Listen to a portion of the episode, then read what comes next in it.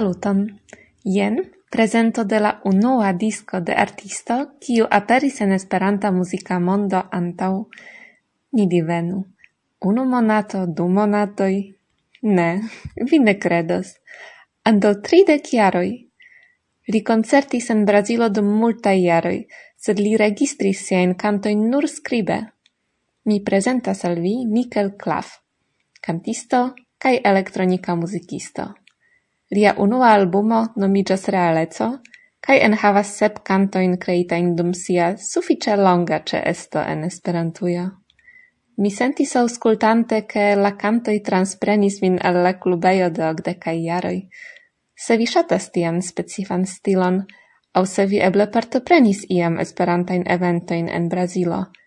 Vi aŭskultos tiun kantojn kiel sentimentalan vojaĝon. Antaŭ vi la canto de Michael Claff verkita en naŭdekaj jaroj sub la titolo Diferencoj. Parolis Kasia Ho.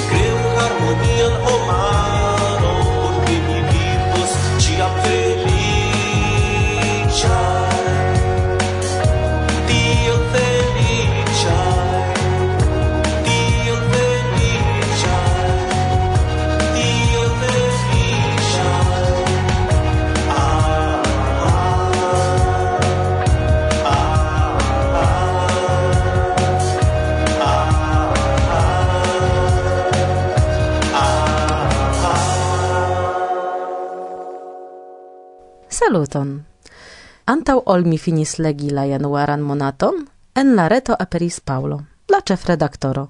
prezentante la eldonon februaran.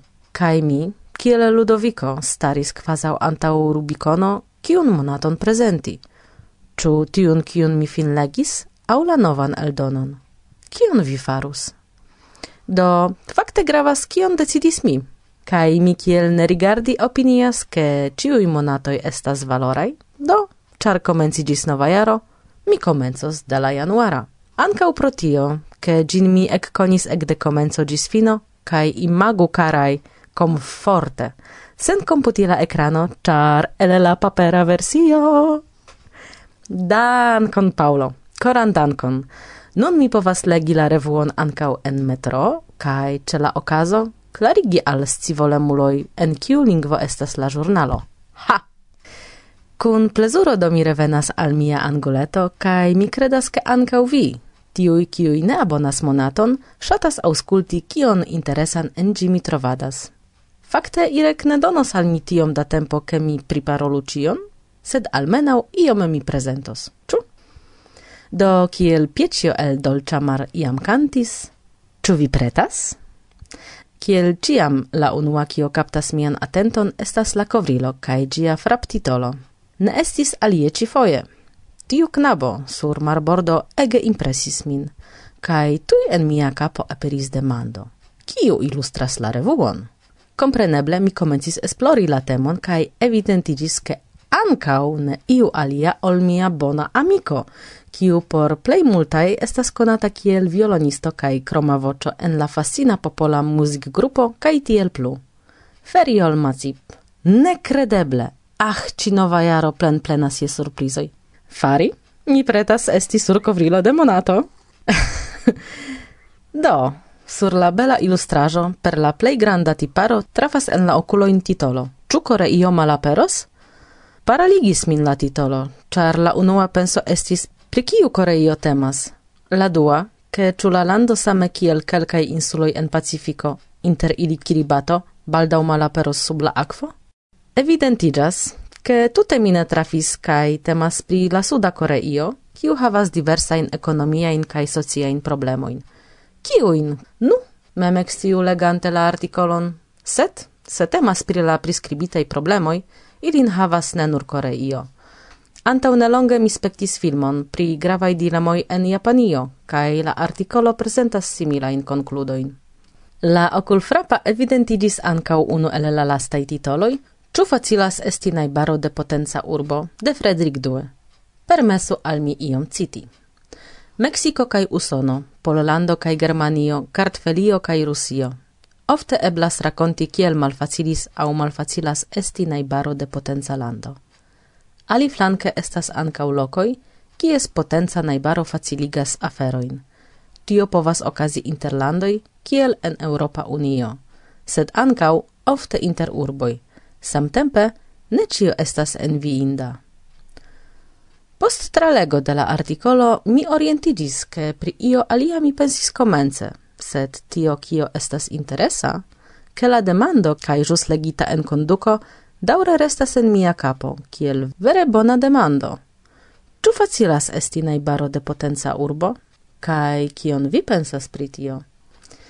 Inter multaj artikoloj Mi mencios kelkain, kiuj eble kaptos ankaŭ vian interesiĝon.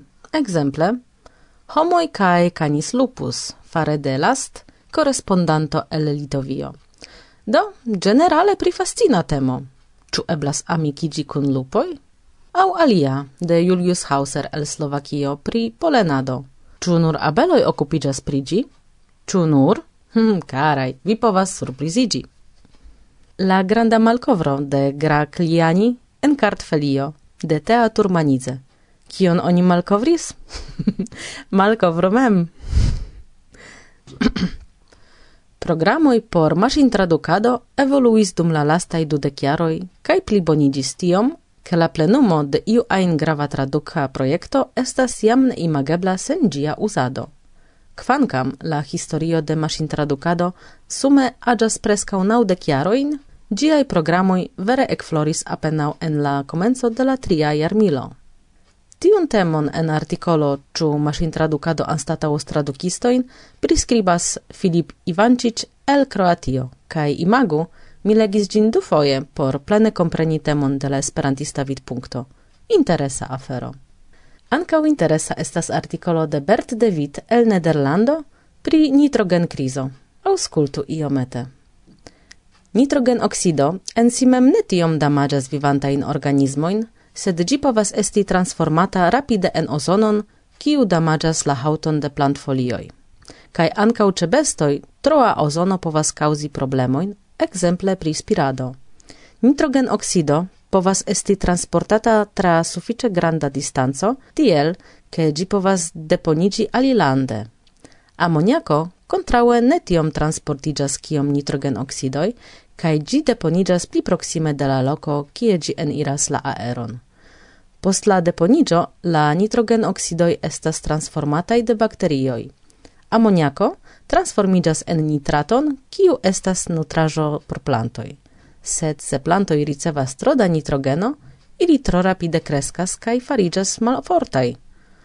Cetere, kulturplantoj ensorbas meze nur quindec ok elcentoi de la nitrogeno, kiun ili ricevas per sterkobesta au artefarita. Aliflanke, granda parto de nitrogeno el la sterco, ammoniaco kaj nitrato evoluigas en lateron al fosajoi, lagoi, riveroi, cae fin finfine la maro. Tio stimulas la crescadon de algoj, ofte nur kelkaj specioj de algoj. Plantoj, kiuj profitas de amoniako kaj nitrato, estas ekzemple rubusoj, urtikoj kaj sambuko arbustoj. Aliaj specioj de plantoj kaj bestoj malaperas pro la trosterkado, ĉu en akvo, ĉu en tero. Drozero ekzemple tute ne povas vivteni sin en ĉirkaŭaĵo, en kiu abundas nitrogeno. Ĝi prenas sian nitrogenon el insektoj, kiujn ĝi kaptas per siaj folioj. La resulto de trostercado estas malpli da plantospecioj kaj ankaŭ da bestospecioj, kiuj dependas de iuj plantoj. Nu, ege interesa temo por kelkaj plantoŝatantoj. Sed karaj Irek jam e, rigardas min iom trostrange montrante pere de la okuloj horloĝon, kiu pendas sur unu el la muroj de nia provizora studio. No, bone! Cion alian legumem, cae cio estas en la februara? Nu, rigardu priscribon de nia elsendo. Tie vi trovos ligilon al filmeto, sur kiu la ĉefredaktoro mem prezentas la plej novan eldonon de monato, kompreneble pli profesie ol mi, kvankam ankaŭ en la provizora studio. Saluton do Paulo kaj kutime al ĉiuj, dank al kiuj monato estas tiel interesa. Kaj al vi, kiu tion ankorau ne malkovris plene, mi rekomendas klaki al la ligilo ĉe reklamo de la revuo en la unua parto de nia elsendo. Dankon!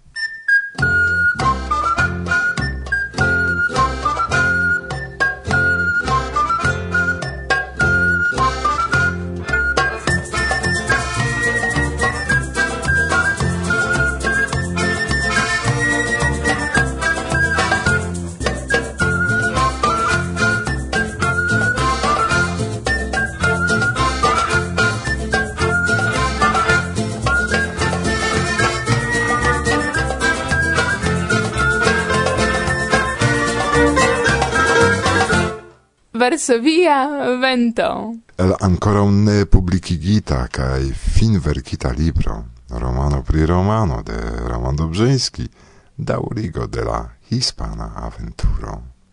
Malkovra ekspedicio.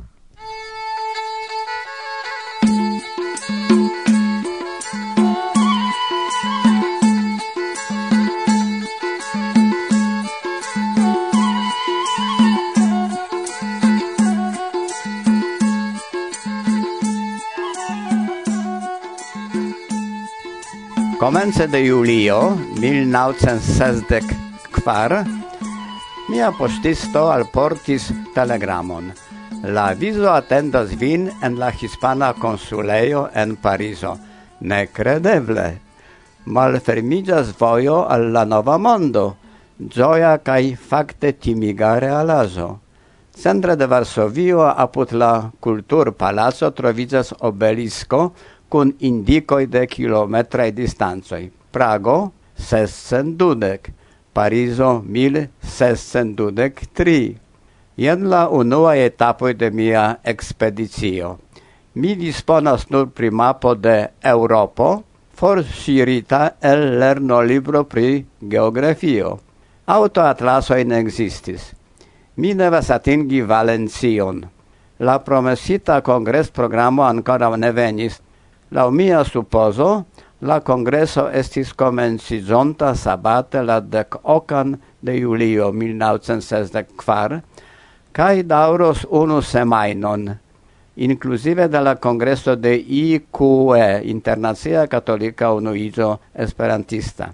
La interna imperativo ordonas Roman, curage, ec al, Mi forlasas Varsovion sen fanfaroi, venita de la patrino cae familianoi. La motoro tactas sian ritmon, la radoi turnizas, la plano estas jena. La decduan de julio, dimanĉe, starto el Varsovio al Wroclavo. Tranokto ce Adam Plešnar. La dectrian, lunde, Prago. Tranokto ce la fratoi Koczfara, kiu foje gastis ce mi la de kvar marde Parizo. Tra nocto en junulara gastejo, la de mercrede, hispana consulejo kai akiro de viso. La de sesan žaude al Barcelono, tra nocto en junulara gastejo, la de vendrede Valencio.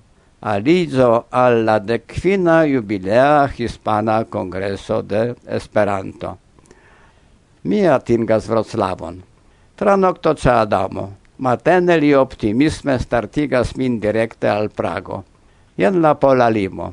Doganistoi stampas en mian pasporton el veturon, Kai confirmas mian legalan exporton de dec dolaroi, sed ne ordonas de metiu suoin, en kiu mi havis du dec dolaroin. La cehoi serioze min controlas. Proximizas Prago la frato Kocfara letere schizis sian adreson, cae iom misvage mi gin trafis.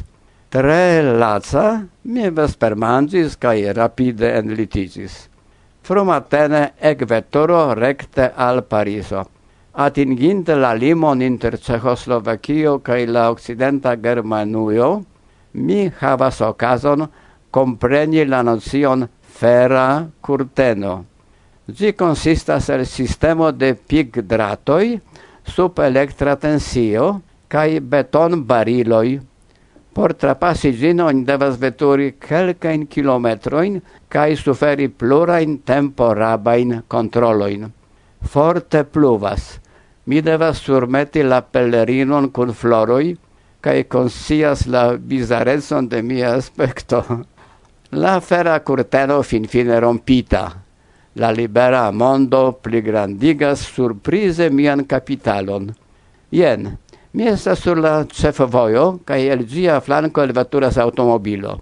Ĝi abrupte bremsas, sed krosas la finazon de mia skotero. Mi perdas equilibron kaj zigzage veturas de unu vojrando al la alia, sed ne falas. Bonŝance neniu automobilo veturas el la kontraŭa direkto.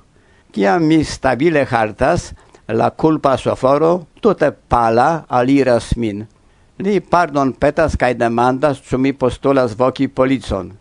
Mi ne insistas kai contentas che mia unua trafika accidento ne finigis tragedie. La germano metas sur la selon de la scotero cent marcoin.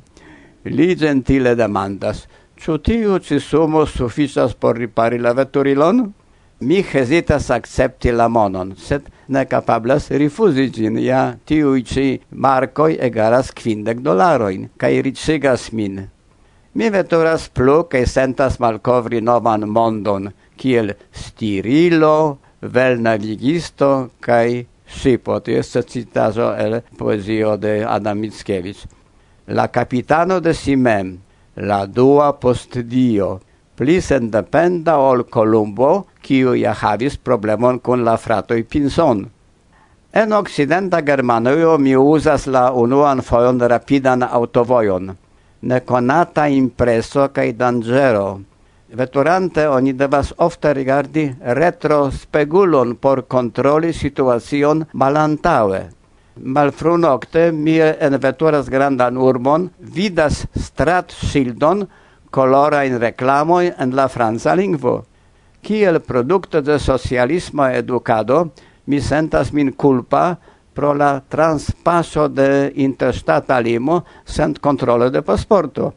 Rememorante la suferan trapasadon de la fera curteno inter Cehoslovakio kaj Occidenta Germanio, mi panike sercas postenon de lim controlo, se ĝi nenie videblas. Ian granda ponto super riverego, no clare tio devas esti Strasburgo. Mi nervose circa rigardas, cae finfine trovas etan budon. Interne dormas policisto. Cion fari? Mi decidas veci lin, ja min raitas da origi la voyagion sen la damna stampo. Li malrapide eliras exteren, frotas siajn oculoin, kai con crescanta malcontento scultas mian senculpigion pri la nelegala transpaso de la limo. Samtempe mi subsovas al li mian pasporton por ricevi stampon. La policisto zetas interen kai sendas min al ciu diabloi. Mines ne sciis, che inter la occidenta Germanio cae Francio ne existis lim controlo. La policisto versaide pensis, che mi estas turisto collectanta por memore stampoin en sia pasporto. En la matena crepusco montrigas montetoi de Alsaso. La suno levigas, cae miai palpebroi dormeme gluizas. Sur acra voi curbizo, la stirilo de la scotero elglitas el miai manoi, cae mi cune cun si falas en randan fosazon. Nenio malbona okazis, sed mi ne povas leviĝi pro lanso. Mi elsaltas la motoron kaj endormiĝas apud la kusanta veturilo. Vekas min forta sunbrilo. Mi boligas akvon per alkohola bruligilo, manĝas krakenojn kaj ekveturas plu. Mia plano vojaĝi mil kilometrojn de Prago al Parizo dum unu tago evidentiĝis fantazio. Ĝi daŭris kun paŭzoj tridek horojn. Vojoj en Francio ne estis tiel bonaj kiel en Germanujo. Necesis manovre veturoj tra mallarĝaj stratoj de urboj kaj vilaĝoj. Estis la tempo de feriado, soseojn plenigas multaj turismaj automobiloj. Ili parkumas ĉe voj randoj ekde la tagmezo. Jen ilia sankta tempo por tagmanzo. Anstataŭ merkrede mi atingas Parizon ĵaŭde – tranoctas en mia conata junulara gasteio, cae nur vendrede matene, la decsepan de septembro sesdecfar, mi visitas la hispanan consuleon, certa cent procente tui aciri la vison, cae plu veturi al Valencio. La hispana consulo, afable min acceptas, esploras la aferon cae informas, che mia viso besonas autorizon el Madrido. Sidigiu cae attendu. Pasis la tuta tago, sed la autorizo ne venis. Sabate cae dimanse la consuleo ne laboras. Lunde mi frumatene venas al la consuleo preta veturi plu, sed post hoc horoi da attendado mi de nove audes maniana, morgau. Pasis mardo, mercredo, saudo cae vendredo la decfinan de julio situacio estas senespera. Mi perdas la tutan esperon kaj sentas humiligon fare de la fascista rezimo, la ministro kaj da esperantistoj mokistoj. ne casante mian koleron mi volas eliri, sed oni gentile petas min pri iom da pacienco. Post unu horo aperas la consulo kaj diras – Madrido ĵus sendis la autorizon pardonu. Li prenas mian pasporton kaj enstampas la vizon. Mi dankas, sed ne comprenas tiun ci ludon. La kongreso finigis, mi pasigis ĝin en Parizo anstataŭ en Valencio. Kial mi ricevis la vizon unu semajnon tro malfrue.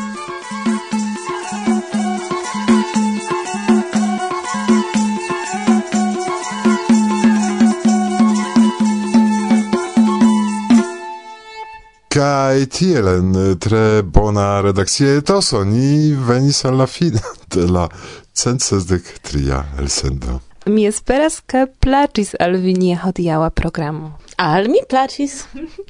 Jes, ĉar ĉifoje vi aperas en la elsendo eĉ pli ofte ol irek. Ŝanĝiĝos, ŝanĝiĝos tio. Ĉu? Jes, ĉar eh, ni prezentos du mikrofonajn renkontiĝojn, kiujn gvidos mi el Bialistoko? Unu jes, kun Saraspano pri ŝia literatura agado. Mm, kaj la dua? Kune ni revenos al la ĉeĥa Prago, sed fakte al Ĉeĥio, ĉar temos pri la granda Esperanto-ĉeĥa vortaro. Eldonita do kava pech? Tion vi ekscios post monato. Mhm. Tiom longe atendi? Do, mi havas ion, kio mallongigos vian atendadon. Donu al mi. Ja! Malfermu, malfermu la ja. koverton. Uh. Wow.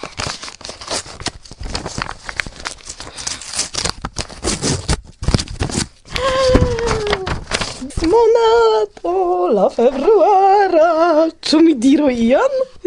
Trankviliĝu.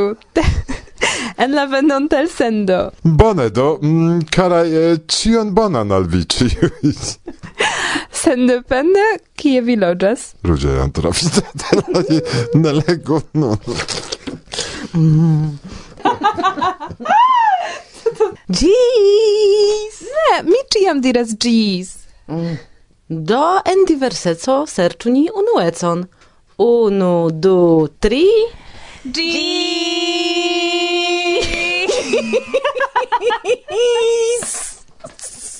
mi finis, mi finis. Amo min.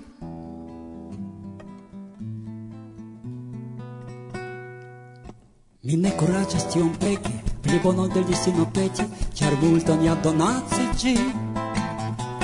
Mia destin capricza damo mi vin ne trompis en mi do amo mi. Dum vivas mi, dum restas forte en la braco, por levi glason da konjako en mia bona kompanio.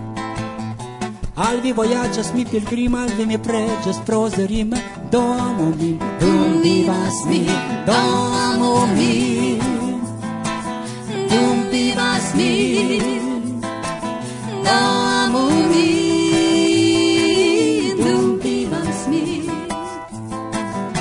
La ĝuo de kantacenzorga finiĝas morgaŭ aŭ postmorgaŭ kvazaŭ fantoma iluzio. Al mia voce sur casse de viga Postigre caio sede Domonin Dum divas mi. O mia signorina linda Kunigis nin caso blinda. Ĉu la comprenan donos di che foje flugos di fantome Seneble con i home come. Min, do amu mi Dum vivas mi.